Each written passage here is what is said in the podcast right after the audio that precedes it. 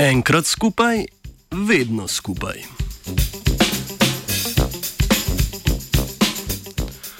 Nizozemsko-nemška raziskovalna skupina v reviji Animal Behavior poroča, da belolične gosi ohranijo socialne vezi, ki jih oblikujejo v času razvoja in odraščanja, tudi v odrasli dobi.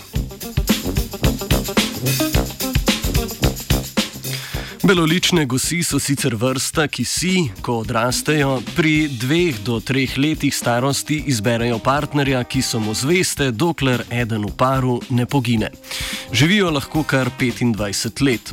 V času odraščanja pa oblikujejo tesne socialne vezi z drugimi gosmi istega spola v skupini. Raziskovalno skupino je zanimalo, ali se te socialne vezi ohranijo tudi v odrasli dobi in ali se spremenijo v času sezone parjenja. Gosi so v dveh ločenih skupinah po 21 in 23 osebkov prebivale v Nizozemskem inštitutu za ekologijo v mestu Heteren.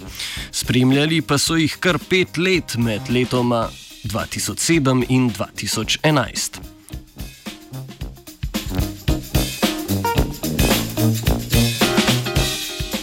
Skupini gosi so spremljali v treh časovnih obdobjih in sicer obdobje odraščanja, sezona parjenja in prezimovanje.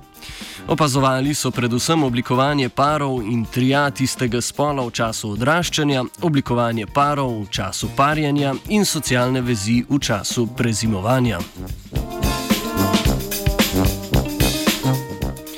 Ugotovili so, da samice beloličnih gosi oblikujejo tesne socialne vezi v času odraščanja, k katerim se vračajo tudi kasneje v času prezimovanja.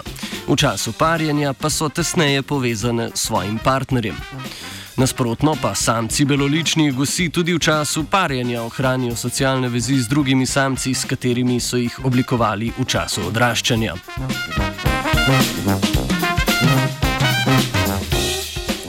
Predstavljena raziskava je ena redkih, ki je raziskovala prenos socialnih vezi iz časa odraščanja v odraslo dobo. Pomen tega še ni dovolj dobro poznan, zelo verjetno pa imajo to vrstne socialne povezave prednost in ulogo v nekaterih kontekstih preživetja.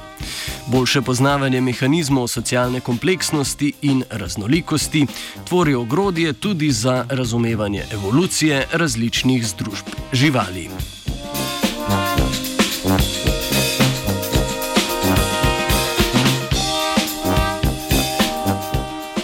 prijatelji iz otroštva se druži tudi Zarja. Three, two, one.